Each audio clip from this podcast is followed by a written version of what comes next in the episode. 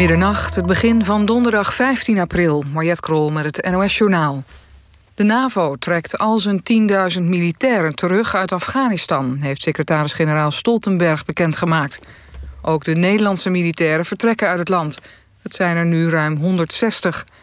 De terugtrekking begint op 1 mei en moet binnen enkele maanden zijn afgerond. Het gebeurt in navolging van de Amerikanen... die gisteren bekend maakten dat zij al hun troepen weghalen... voor 11 september van dit jaar. 15 ontvoerde bemanningsleden van een schip van een Nederlands bedrijf zijn vrijgelaten. De tanker, die vaart onder de vlag van Malta, werd een maand geleden overvallen voor de kust van Benin in West-Afrika. De 15 ontvoerde bemanningsleden komen uit de Filipijnen, Rusland en twee Baltische staten. Waarschijnlijk zijn ze de afgelopen maand vastgehouden in Nigeria. Het is niet bekend of er losgeld is betaald. Volgens de Nederlandse eigenaar van de tanker maken de 15 het naar omstandigheden goed en gaan ze naar hun familie. Tegen een man uit Arnhem is een celstraf geëist van twee jaar en een boete van 110.000 euro voor het verhandelen van meer dan 12 miljard wachtwoorden.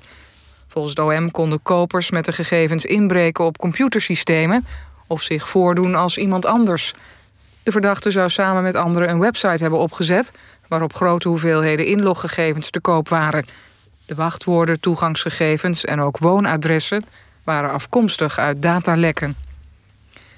Manchester City en Real Madrid hebben zich geplaatst voor de halve finales van de Champions League. Manchester City won ook de tweede wedstrijd tegen Borussia Dortmund. In Duitsland werd het 2-1 voor de Engelsen. Real Madrid speelde bij Liverpool 0-0 gelijk, wat na de winst in de thuiswedstrijd genoeg was. Het weer, de temperatuur daalt vannacht in het binnenland tot onder het vriespunt. Aan de kust blijft het rond nul. In de ochtend nog een bui, in de middag droog en periode met zon... bij 9 tot 10 graden. Dit was het NOS Journaal. NPO Radio 1. VPRO. Nooit meer slapen.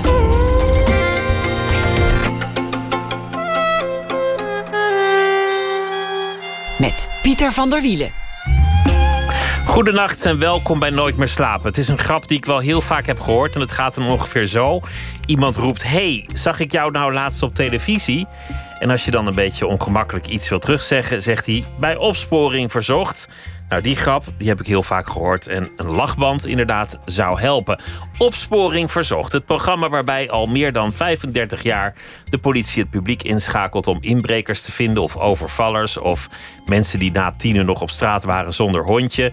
En soms ook ergere dingen. Moord. Onder de vlag van het programma is nu ook een podcast gemaakt over een cold case. Een moord van alweer 20 jaar geleden op iemand die in Leiden heette de Indiaan. Een moord die nog nooit is opgelost.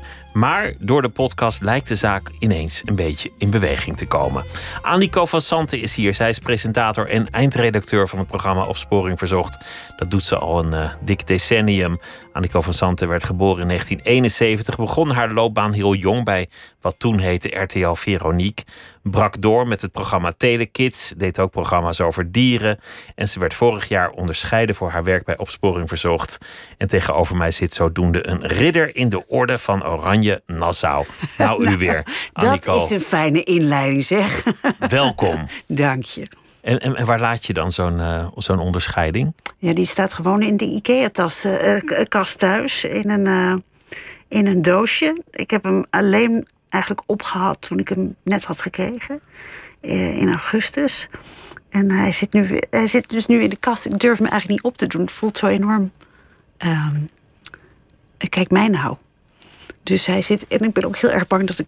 Ik raak voortdurend van alles kwijt. Dus ik ben ook enorm bang dat ik hem kwijtraak. Dus die, die doos zit enorm dicht in de kast. Met, eh, met het boekje, met de uitleg en, de- en de medaille en het lintje zelf. Ja. Nou, is toch, toch een mooie onderscheiding. Of Ja. je hem nou draagt of niet. ja. Ik kan me ook wel voorstellen dat je niet met zo'n vlaggetje meteen eh, alle feestjes af gaat, gaat schuimen. Ja, nee, precies. Maar eh, het was een bijzonder moment, toch?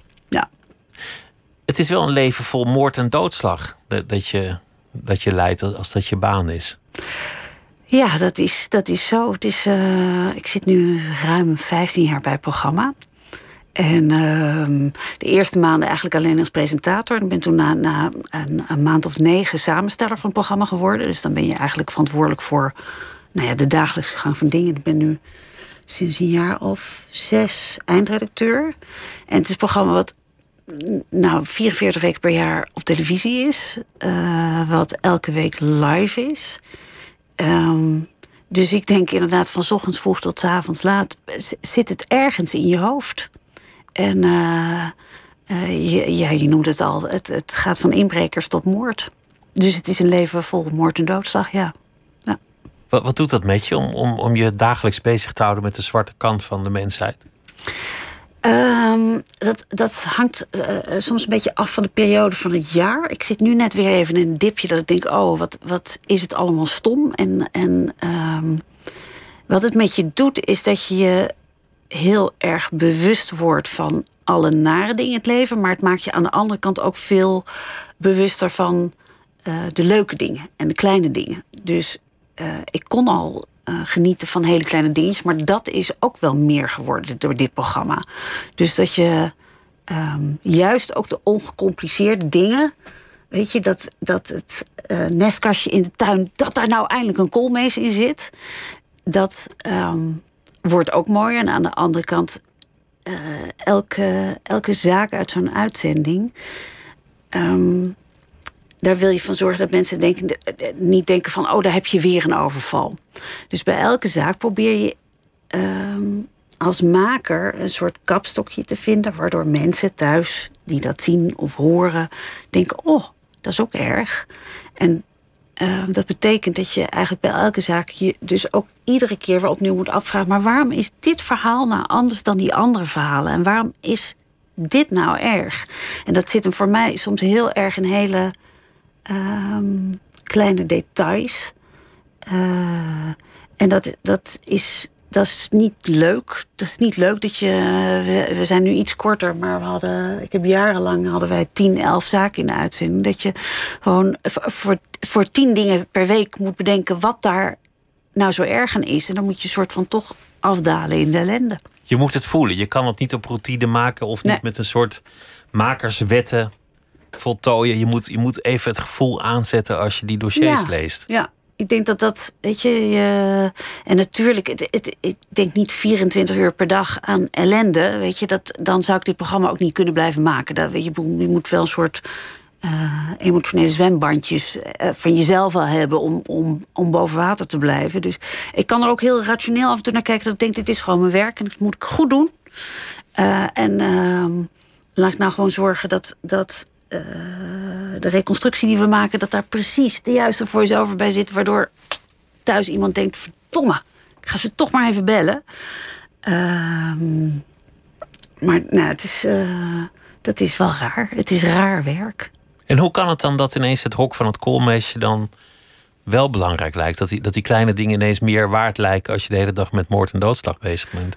Nou, omdat het een soort opluchting is. Van dat, dat er. ehm, weet je, dat is gewoon on- ongecompliceerd. Daar, dat, dat, en, en, nee, Is dat een besef van het gevaar? Dat dan toch je is huis voorbij is gereden? Nee, nee, nee. Het is niet een soort opluchting van... oh, gelukkig, nou Iedereen ben, ik, is er nou ben ik vandaag ook niet overvallen. Dat, dat is het niet. En, en iemand anders vindt het misschien in, in muziek... of eh, eh, de perfecte handtas scoren... of eh, eindelijk die moeilijke kruiswoordpuzzel. Maar het, het is juist de ongecompliceerde dingen die er gewoon zijn... waar je gewoon van kan genieten... Ehm, die zie ik wel wat meer in het leven. Het licht wordt wat, wat geprononceerder Ja. na Ja. een dag in de dossiers van duisternis Ja, te hebben doorgebracht. En, en mensen bellen ook daadwerkelijk. Nog steeds, na al die jaren. ja.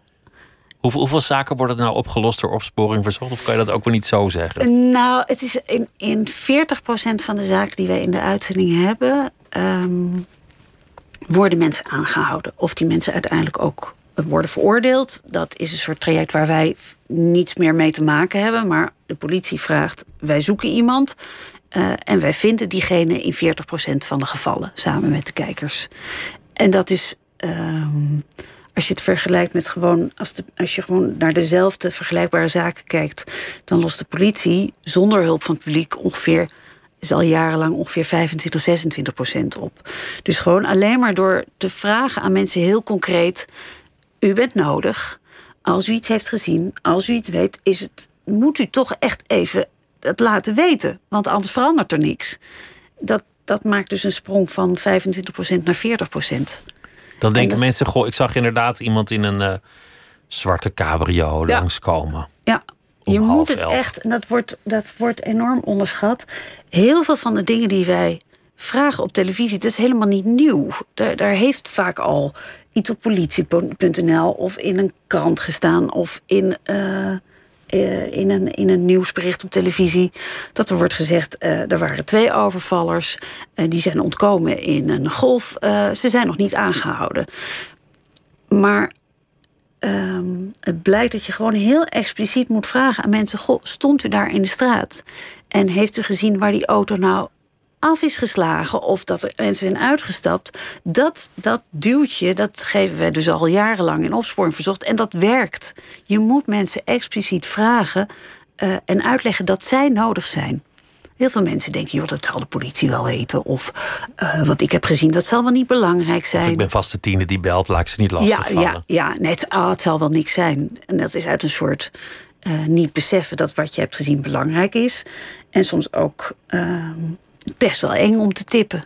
Dus eh, het is altijd fijn om te denken: ah, inderdaad, iemand anders zal dat wel hebben doorgegeven.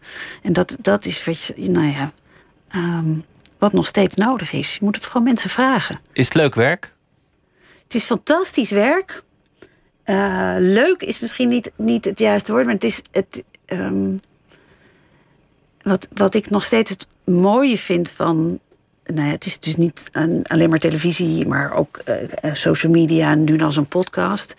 Is dat je vraagt mensen en, eh, om iets te doen en het gebeurt. En dat maakt het, dat maakt het verschil in het leven van slachtoffers.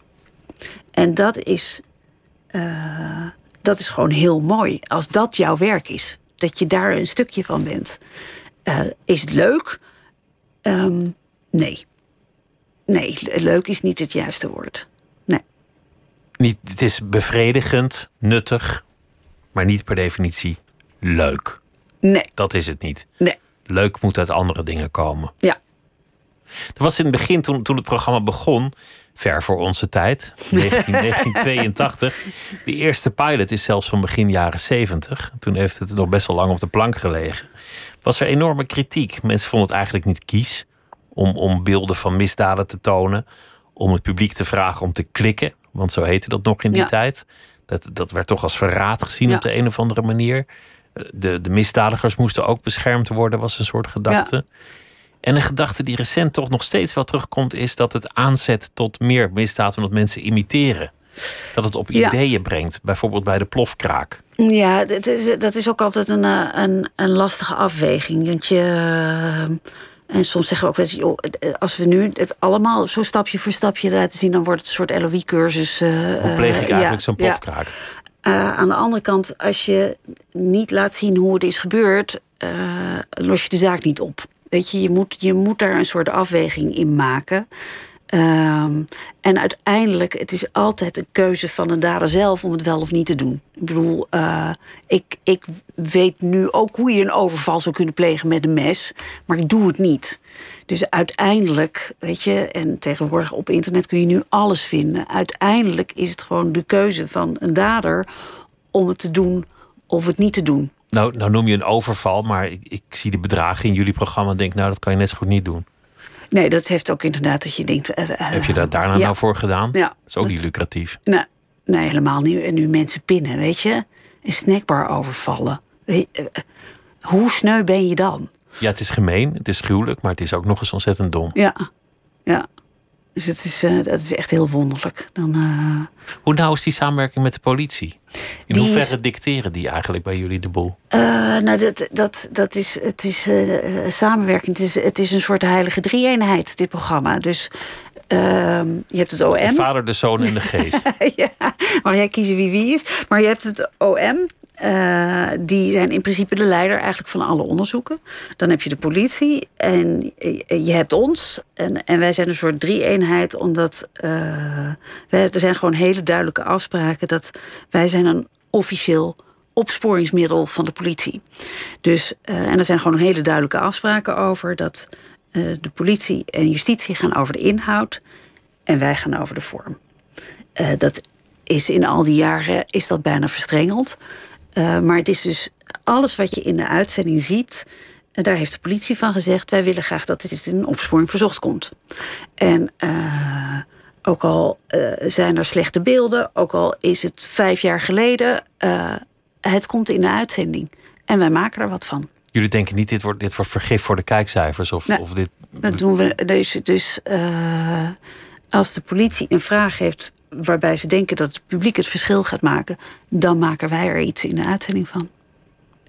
Er zijn meer manieren waarop het programma af en toe toch, toch op een lastige manier in het nieuws komt. Een van die dingen was dat Geert Wilders meerdere keren heeft gerefereerd aan het programma om aan te tonen hoe hoog de criminaliteit onder bepaalde bevolkingsgroepen is. Mhm. Of dan twitterde die weer van nou, er zaten weer weinig Zweden in opsporing verzocht. Dat, dat, dat zijn natuurlijk wel gevoelige thema's voor jullie. Want, want je laat verdachten zien. Ja, ja nou, ik, we proberen daar altijd. Um, netjes is niet het juiste woord, maar uiteindelijk. Uh, opsporing verzocht gaat erom over wat je hebt gedaan, niet wie je bent. En als je dat kompas maar blijft volgen, dan komt het goed. Dus dat is een soort discussie waar we ons helemaal niet in, in mengen. Dat is ook, weet je, de uh, politie en OM bepalen wat er in de uitzending komt. En onze taak is om ervoor te zorgen dat degene die gezocht wordt, dat wij zoveel mogelijk handvaten geven aan kijkers om diegene te vinden. En uh, dus ik hou me daar helemaal niet mee bezig. Met wat, wat voor kleur haar of ogen of huid iemand heeft? Nee, omdat je, je, je vertelt over diegene wat nodig is om hem te vinden. Maakt het je kwaad als mensen het programma toch in zekere zin gebruiken om, om een ander punt te maken?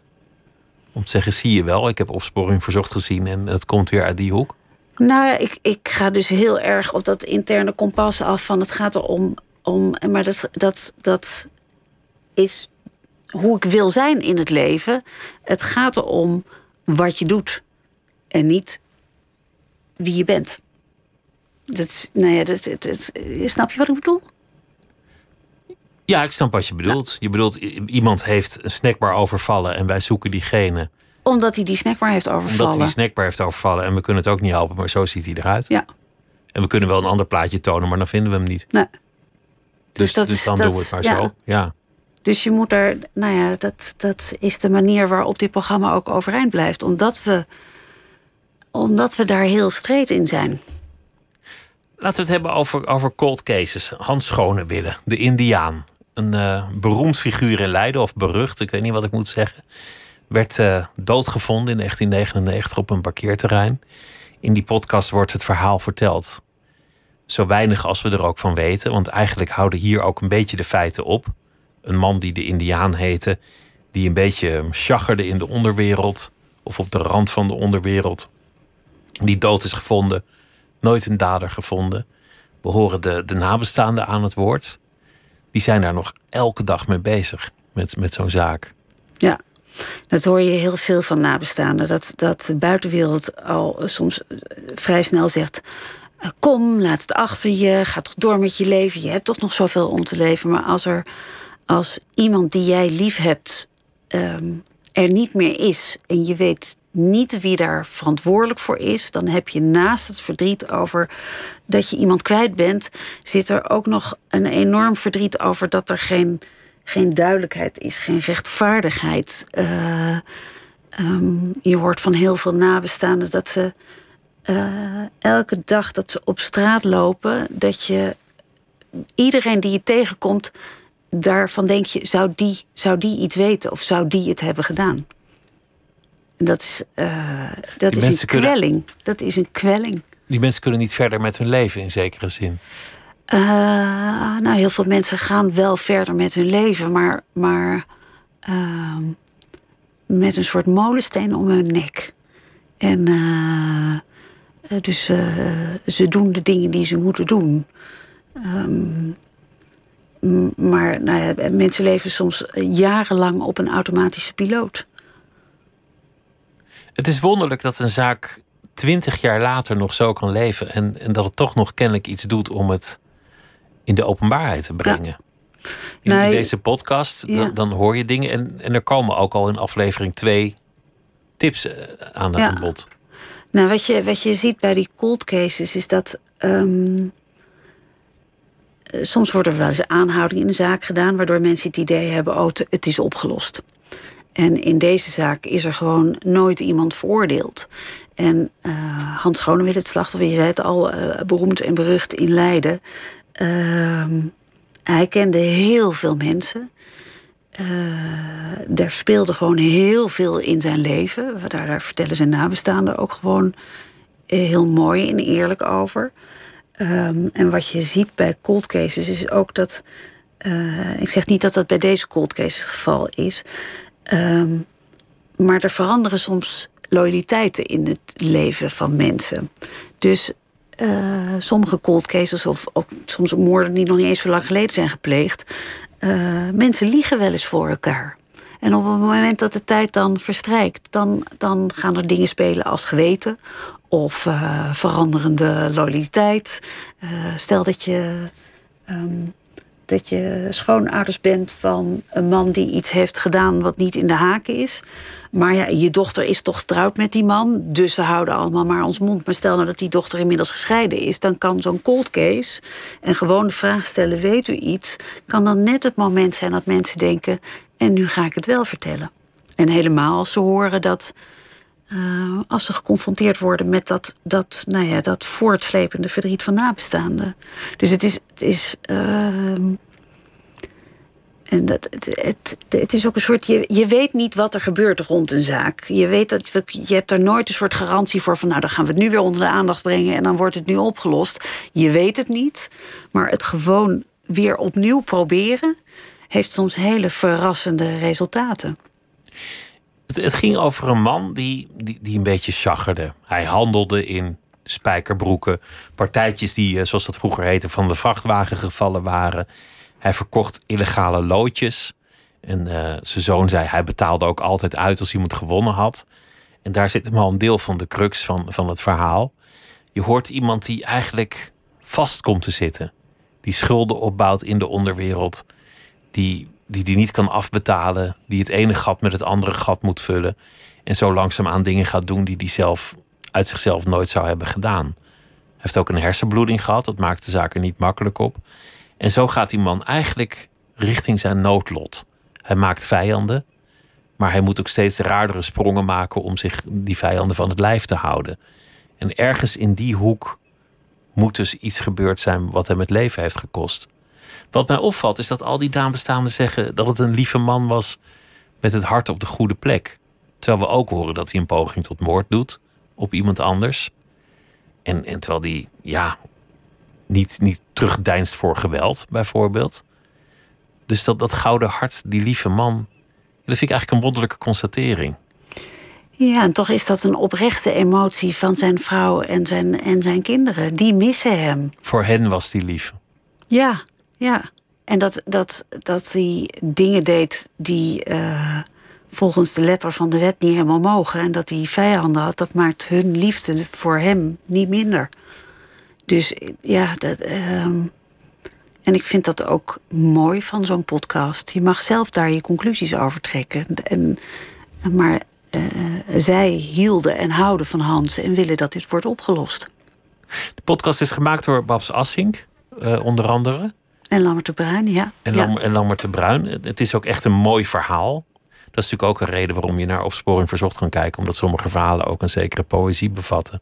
Hoe gruwelijk ze ook zijn. Nou, ja, en het, het is een, een eh, mooi ander medium. Kijk, eh, Opsporing Verzocht op televisie... eh, een, een lang item duurt een minuut of tien. En dat, ik vergelijk dat al bijna dat je... Je probeert dan zo, zo snel mogelijk en zo goed mogelijk... en zo eh, beknopt mogelijk, maar wel een soort maximaal effect te behalen. Maar dat is een, korte periode. Dus je, je geeft mensen een soort. Je probeert eh, mensen die iets weten, met een soort stomp in hun onderbuik te geven. En dan, en dan hoop je dat er iets gebeurt. En het mooie van, van deze podcast is dat je weken achter elkaar. eh, schilder je als het ware een situatie. Bedoel, net zoals televisie een andere emotie oproept dan eh, dan, dan alleen maar audio, waar je zelf als het ware kunt invullen. Dus deze podcast is voor de, voor de politie ook gewoon echt iets nieuws om te kijken wat dat doet. Als je meer van een verhaal kan vertellen, als je meer kan schilderen, ja, meer een personage kan opbouwen en een, een tijd en een sfeer. Ja. En ja. er waren dat soort cafés, zeker in die tijd, waar je, waar je liever niet kwam. Waar de kans dat, dat je een je bek kreeg 100% was. Als je niet tot, uh, tot uh, het vaste publiek behoorde. Ja, ja. Als je daar niet thuis hoorde. Er waren cafés waar, waar mannen hun pistool op de bar legden. Als een soort statussymbool van ze kennen mij hier zo goed dat ik dat hier kan maken. Ja, ja. Dan had je een biertje, een asbak en een pistool op de bar liggen. Moeilijk voorstelbaar tegenwoordig, maar nou, ik denk, misschien zijn er nog wel steeds cafés waar dat gebeurt. maar, maar, komen wij daar gewoon niet, Pieter? Nee, daar, kom, daar kom ik liever niet. Dat heb je goed gezien. In, in die zin vind ik, dit is natuurlijk een aangrijpend verhaal, maar, maar deze man is in zekere zin zelf nog op zijn noodlot afgelopen.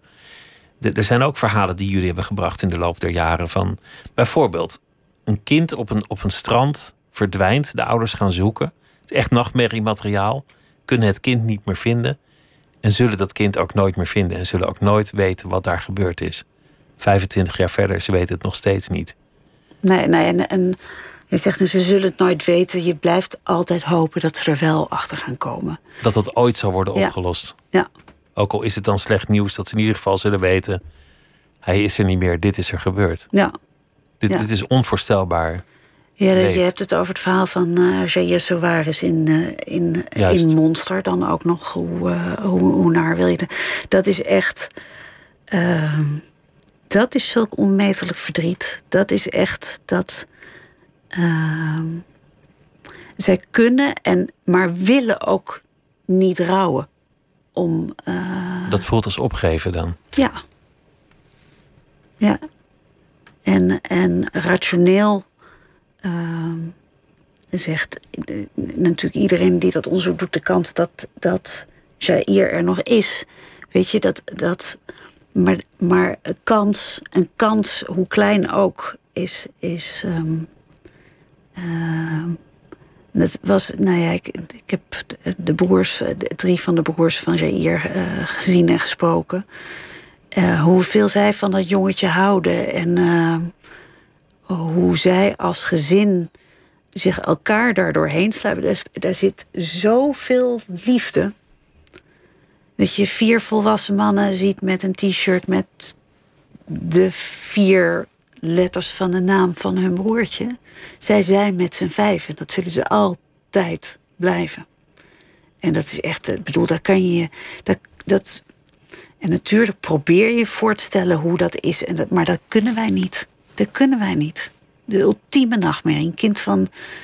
Uh, met kleine krulletjes en, en snoezig jongetje. En niemand weet het. Niemand.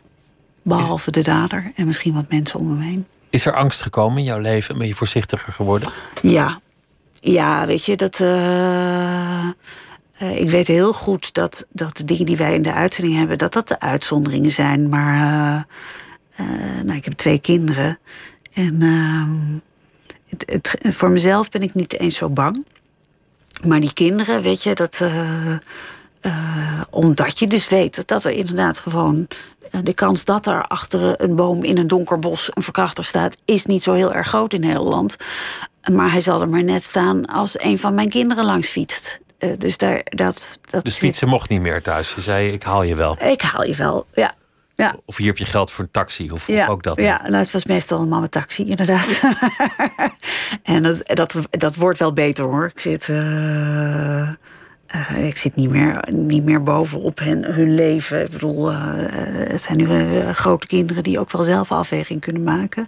Maar die angst dat, dat, dat er. Nee, dat, dat de angst dat er iets met je kinderen gebeurt, hebben denk ik de meeste ouders wel.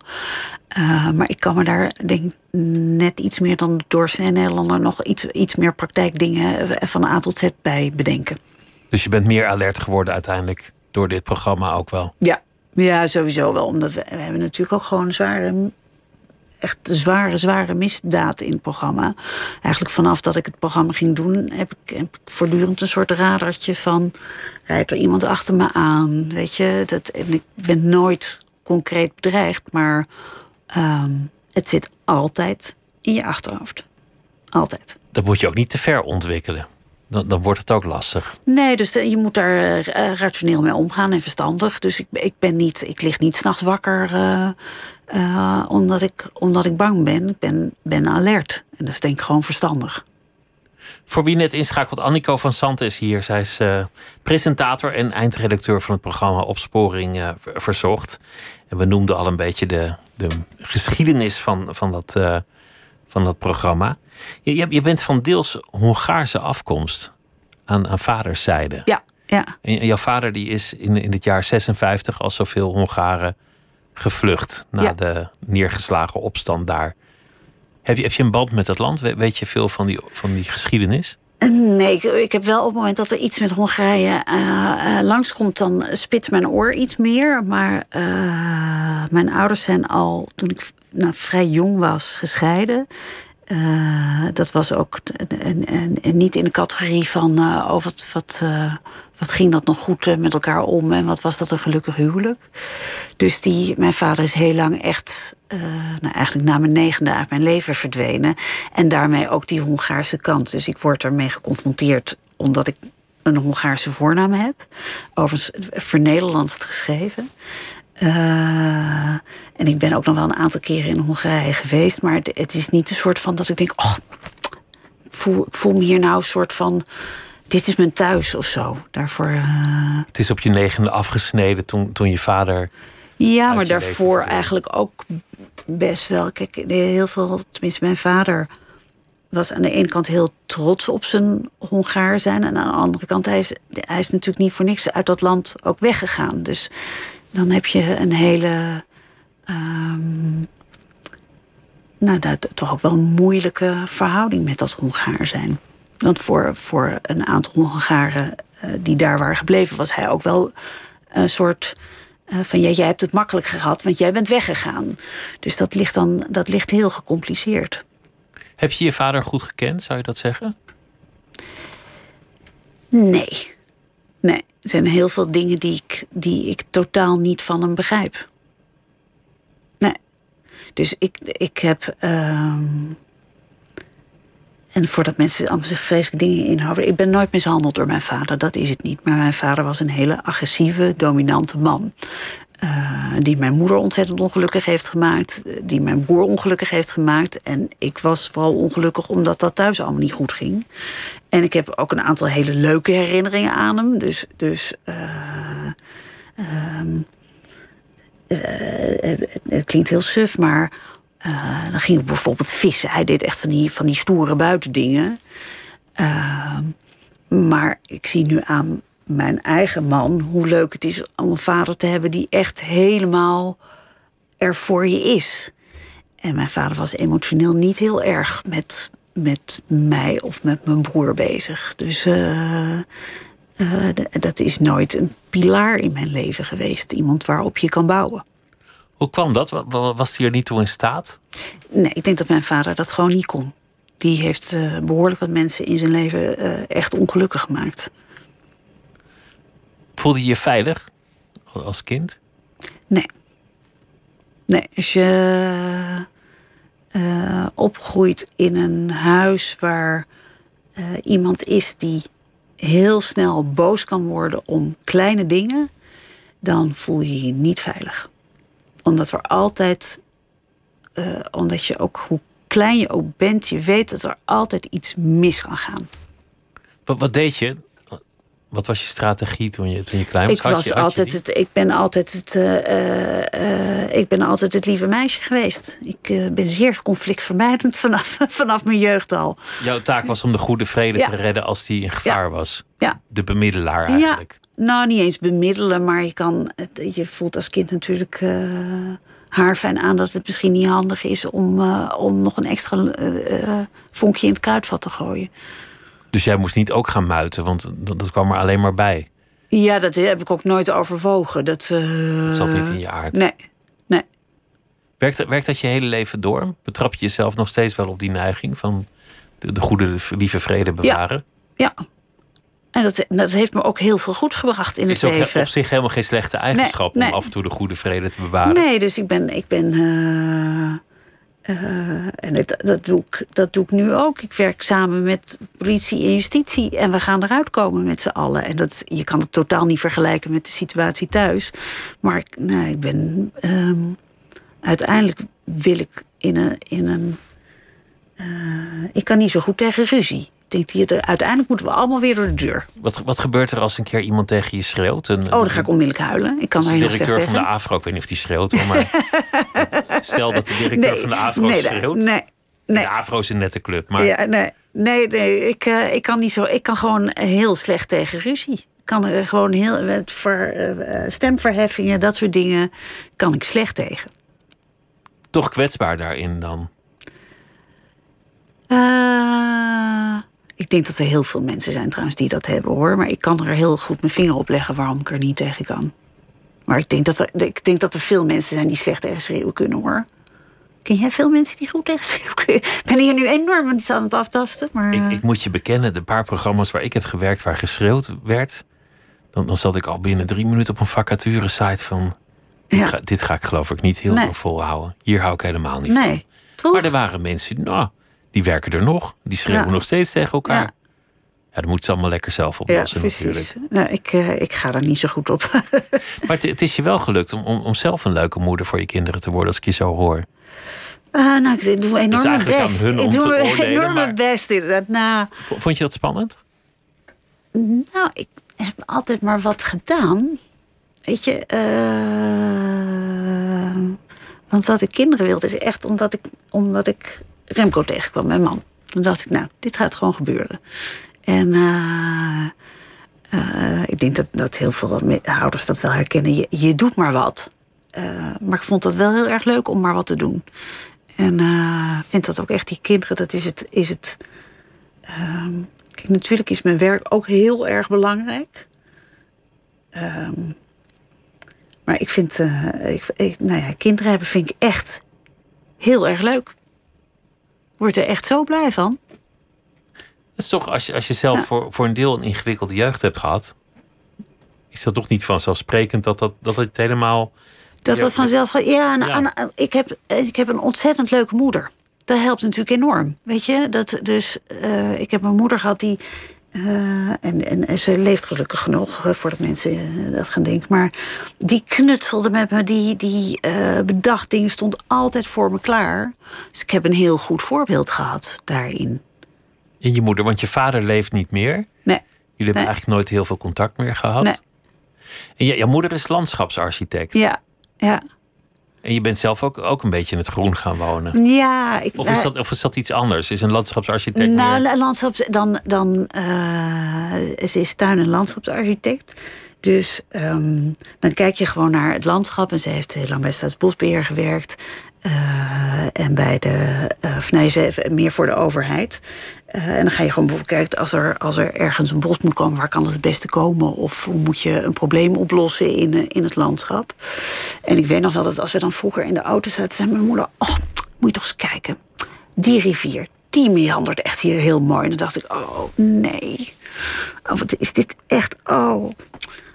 Welke moeder zegt nou zulke stomme dingen?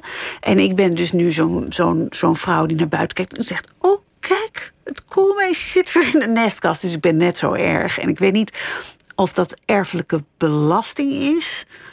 Of dat het gewoon is dat je, dat je toevallig hetzelfde mooi vindt.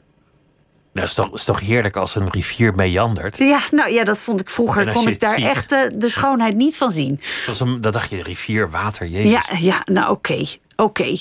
Er zit een bochtje in. Oké. maar wat moet ik ermee? En, eh, eh, en nu vind ik het inderdaad. Ik vind, nou ja, ik geniet heel erg van eh natuur. Ik heb natuurlijk ook heel lang programma's voor het Deel Natuurfonds gemaakt.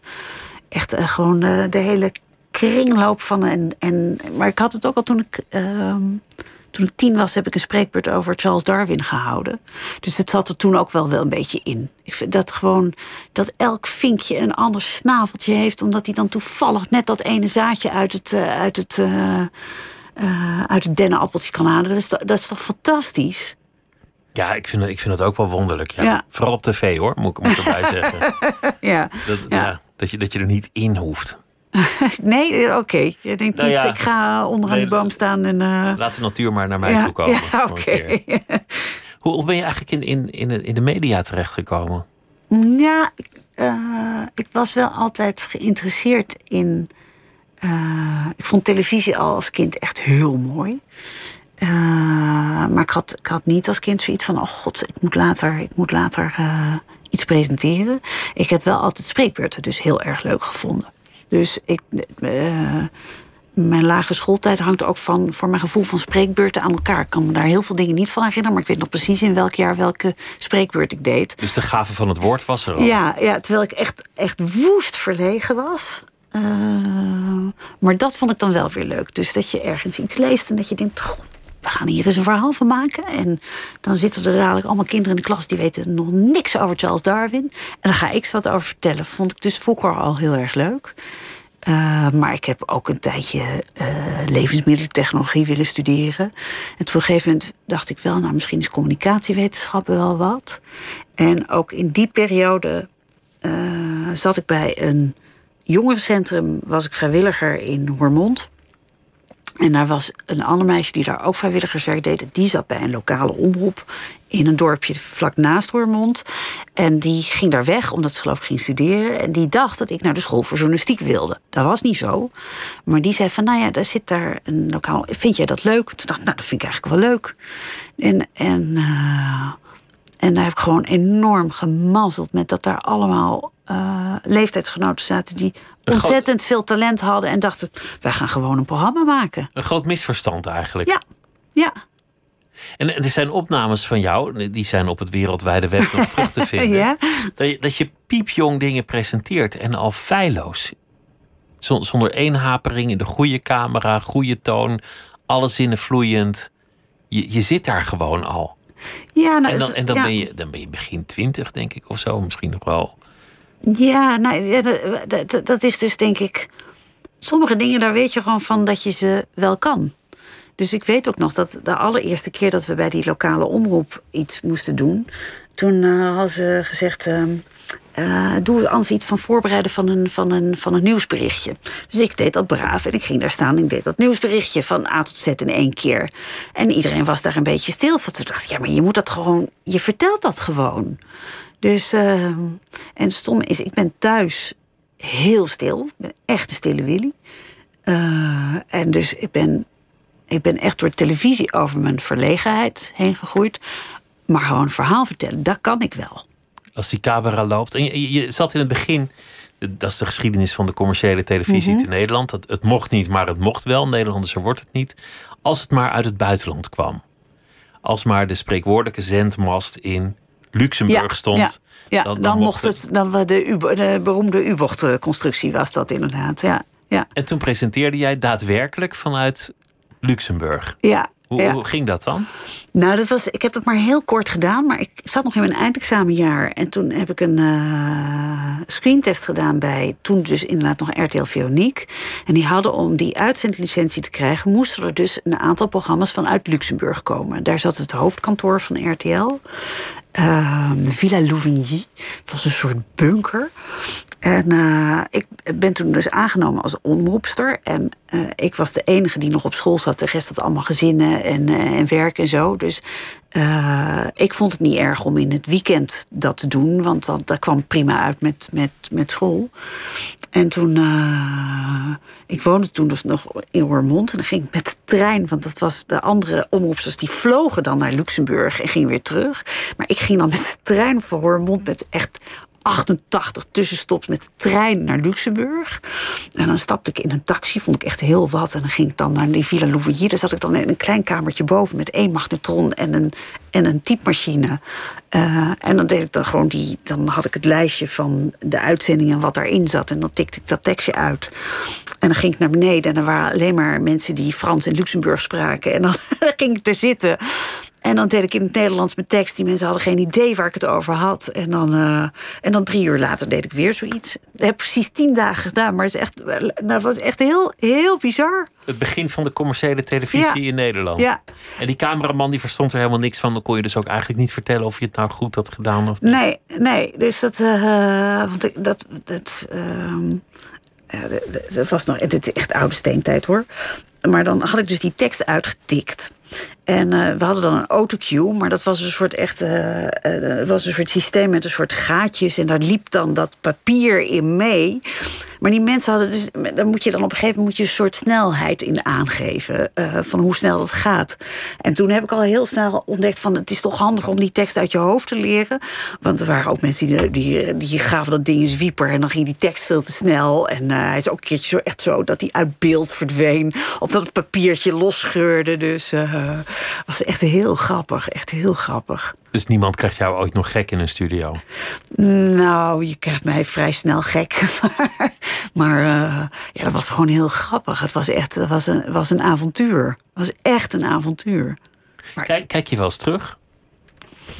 Uh, nou, ik heb heel slecht dingen bewaard. Uh, en ik vind het nog steeds afschuwelijk om mezelf terug te zien. Ik vind het zo stom. Maar op een gegeven moment wen je daar toch wel aan. Dan denk je, nou ja, zo ziet het eruit. En... Uh, nee, ik vind het toch. Ik zit me dan toch weer voortdurend te erger aan dingen. Uh, dus ik kijk niet zo heel vaak terug. Ik heb laatst wel met. Dat was wel grappig met mijn dochter dingen zitten terugkijken. Want die wil wel zien wat ik dan. Die kent mij eigenlijk alleen maar van, van Opsporing Verzocht. Wat natuurlijk niet echt een heel leuk kinderprogramma is. Terwijl die wel wist dat ik vroeger allemaal dingen met wilde dieren had gedaan in het buitenland. Dus toen hebben we laatst via beeld en geluid wat oude dingen lopen terugkijken. Uh, en dat was wel grappig. Ik was ook dingen gewoon zo vergeten. Ik dacht, heb ik nou echt... Oeh ja, verrek, ik heb in een helikopter gezeten... en toen gingen we een neushoorn vangen... omdat hij omdat uh, gechipt moest worden. Was in, in Namibië vergeten. of zo was het. Ja, ja, ja, totaal vergeten. Stom, hè? Maar jou, jouw echtgenoot, of, of je, je, je man, je mm -hmm. geliefde...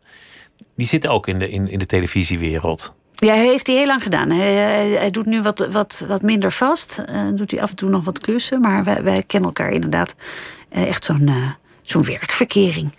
Ja. Gaat het dan thuis ook alleen maar over werk? Nee. nee. En ik vind het nou wel heel erg. Kijk, wij houden allebei van media. Dus ik vind het ontzettend leuk om met hem te hebben over televisie. Maar we hebben het thuis echt niet de hele dag over line-upjes. En uh, hij, ik mag sowieso thuis niet alles van A tot Z over mijn werk vertellen. Er zit gewoon heel veel. Uh, er zit best wel veel geheime informatie bij. En het is ook niet zo dat je thuis nou enorm de behoefte voelt om, om daarover te vertellen. Dus uh, we hebben het niet zo vaak over, over opsporing verzocht. Het, en je bent thuis stil, zei je net. Ja je ja. echt niet zo spraakzaam bent. Nee. Je, je houdt tegenwoordig, want je had het over koolmezen de hele tijd, maar mm. het zijn bijen. Ja. Je, je bent imker ja. aan het worden, of, of ben je dat? Ik heb een, uh, ik heb een uh, volkje in mijn tuin staan, inderdaad. Een bijenvolk? Ja, ja. Dat is een aantal jaar geleden.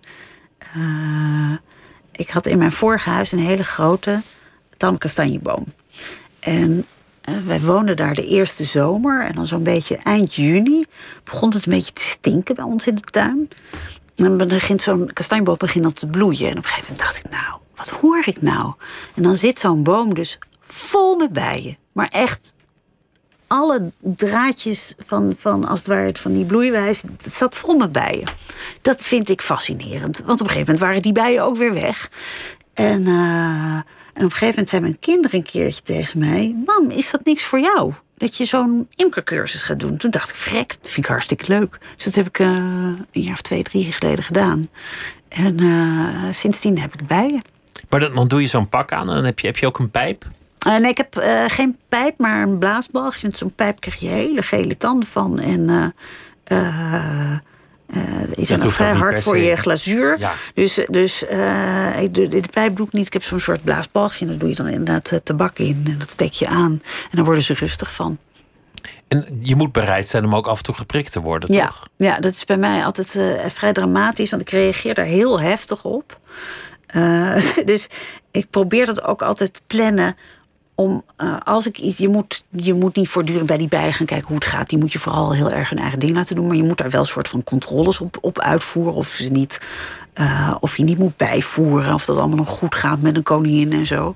Maar dat plan ik altijd op een woensdag. Dat als ik geprikt word, dat ik niet als een soort uh, quasimodo met rare bulten in de uitzending zit. Maar als ik in, echt in mijn hand word geprikt, dan heb ik echt zo'n soort. En weet je wel, als je zo'n zo'n latex handschoen helemaal zo opblaast, zo ziet mijn hand er dan uit. Dus, uh... Maar, maar waar, waar, koop je een bijenvolk? Ja, sorry, ik wil er nu alles over weten. Ja. Waar, waar, waar, Die haal kan je, dat je dan? kopen, maar, maar het mooie van, van uh, bijenvolk is bijen. Uh, die, die geven alles hun eigen individu geven ze op om er maar voor te zorgen dat, dat, dat het volk blijft doorbestaan. En um, bijvolken splitsen op een gegeven moment om als het ware het leven door te geven. Dus dan gaat de oude koningin, die splitst zich af, waardoor een nieuwe koningin als het ware weer de kans krijgt om haar volk op te bouwen. Dus uh, als het allemaal goed gaat met de bijen, dan, dan, uh, dan verdubbelt dat. Dus uh, je kan als je uh, je aansluit bijvoorbeeld bij een, een bijenvereniging of een. Uh, en ik heb dus via mijn cursus een bijenvolk gekregen van iemand die als het ware nou ja, een volk over had. En je hebt ook wel eens dat volken gaan zwermen. Dan als ze niet genoeg ruimte hebben en zo'n oude koningin gaat weg en je haalt die niet op tijd, geef je die een eigen kast. Dan hangen ze opeens, ja, dan hangen ze opeens uh, ergens in een ene conifeer bij iemand in, in de tuin. Die de ongediertebestrijding dan belt waarschijnlijk? Nou, dan moet je dus, dan zegt de onge, onge, ongediertebestrijding, zegt u moet gewoon met, uh, met de imkervereniging bij u in het dorp bellen. En dan komt er gewoon een imker en die, uh, die vangt zo'n zwerm. En dan heeft hij weer een nieuw volk. Maar het, het fascinerende is dat het individu dus volledig ondergeschikt ja. is aan, aan de, de samenleving. Ja. Waardoor Ja. de samenleving bijna één organisme Ja. wordt. Eén groot organisme is dat uh, fantastisch. Als je, Nee, ja, Ja. Ook, ook schrikwekkend natuurlijk. Ik bedoel, je moet niet je menselijke gevoelens op de bij projecteren, maar van, vanuit menselijk perspectief is dat natuurlijk een soort angstscenario. Dat, dat ja, dus dat moet je inderdaad dat, dat steeds maar jezelf willen projecteren op de rest van de wereld. sowieso niet slim. Dus, eh, Nee, en ook niet nee, vanuit nee. de mens naar het dier kijken. Nee, nee. Maar het is echt. Oh, dat, Maar dat, dat- proces, dat, dat fascineert jou. Nou ja, het is de Secret Life of Beast. En dat, dat, dat, eh, en dat is, heb ik dus niet alleen met bijen, maar eh, bijen leren elkaar met dansjes waar je de nectar kan vinden. Eh, als je gewoon kijkt hoe bijen kijken, eh, hoe, dat, nou ja, hoe zo'n volk. eh, nou, het, het, het, het voor deze winter min 15 in zo'n bijenvolk, dat is dan gewoon zo'n kast, is het voortdurend 35 graden. En dat doen ze gewoon met die kleine vleugeltjes, houden ze elkaar warm. Dus die overbruggen gewoon 50 graden in zo'n kast. Nou, ik kan het niet, als we het dan ook toch over projecteren hebben. Dat is echt, dat is, ehm, als je je verdiept in de dierenwereld, dan, dan eh, val je over het algemeen. Ik val altijd van de ene verbazing in de andere. En het gaat slecht met de bijen in Nederland. Eh, ja. regelmatig op de radio. Ja. Ja, en dat is. eh, en dan, dan met name dus de wilde bijen. Wat, wat ik heb, dat zijn honingbijen. Eh, maar je hebt tientallen soorten ook wilde bijen. En die hebben gewoon steeds minder. we hebben in Nederland een hele efficiënte manier van landbouw. Eh, die, die commercieel natuurlijk heel veel oplevert, maar die er wel voor heeft gezorgd dat een, een korenbloem. Waar zie je nog een korenbloem in een weiland? Als je de, de, de oude schoolplaten ziet, dan zie je korenbloemen en madeliefjes. En eh, in, een, in een normaal weiland groeide van alles. En we hebben natuurlijk jarenlang in, in Nederland een soort landbouw gehad van. eh, weet je, aan het begin van het jaar dan gooien we er lekker. Eh, wat is het, glyfosaat overheen. En dan heb je zo'n heel bruin weiland. En dan hebben we daarna lekker alleen maar gras. En gras ziet er heel groen uit. Maar daar heeft een bij werkelijk helemaal niks aan. Dus je, uh, we moeten in Nederland voor veel meer biodiversiteit zorgen. Dat, uh, zonder bijen zijn wij niks. En dat, dat klinkt heel dramatisch, maar dat zorgt gewoon voor de bestuiving. Ik geloof dat, dat wat is het, vijf... Uh, nou, dan heb ik de, de cijfers niet paraat, lekkere boel. Ehm, maar bijen zijn voor zoveel van ons voedsel uh, gewoon een appel eten. Dat kan niet zonder een bij. Dus het is ook een, een veeg teken voor onszelf uiteindelijk, die, ja. die, die bijen sterft. Ja.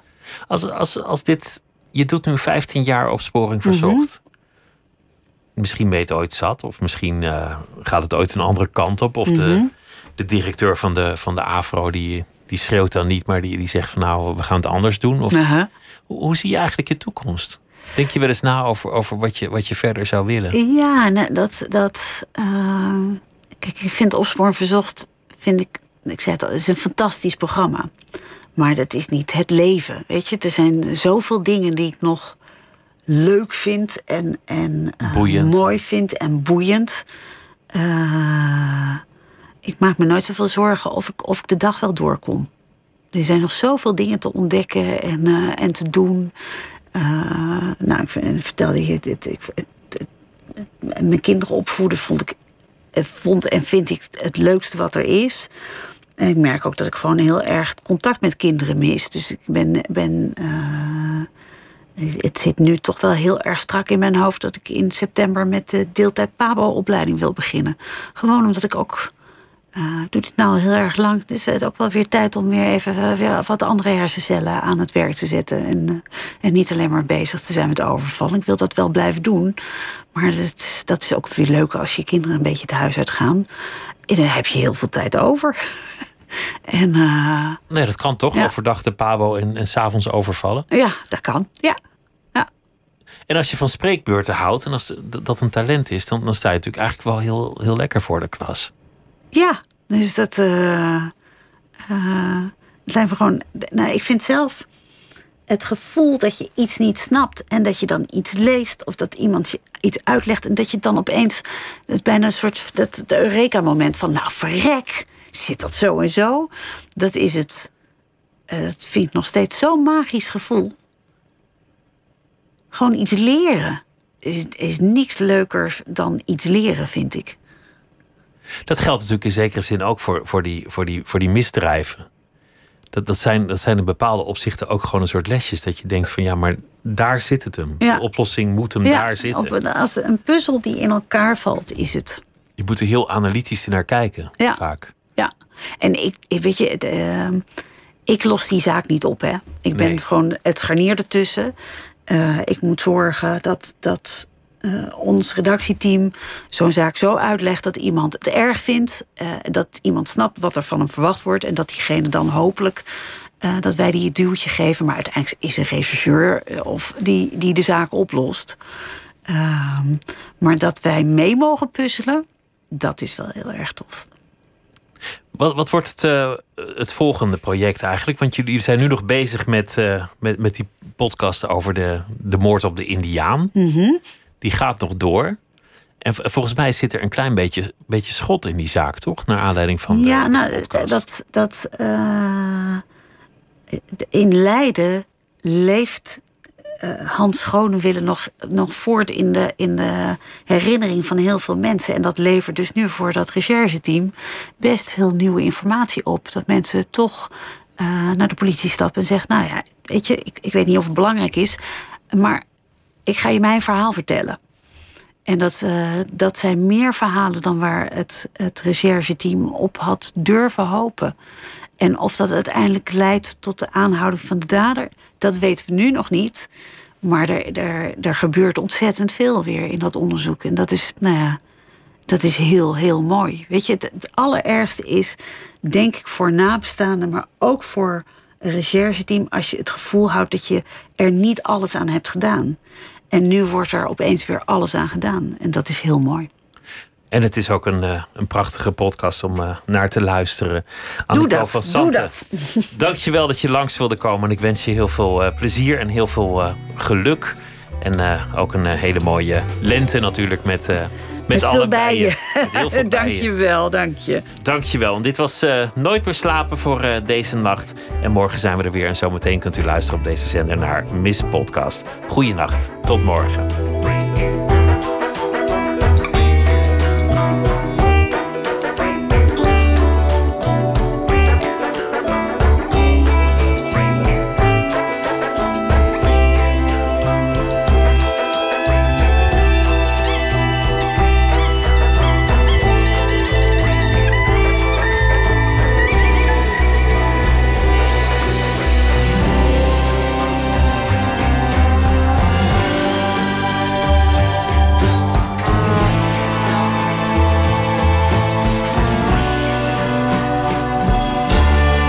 Radio 1. Het nieuws van alle kanten.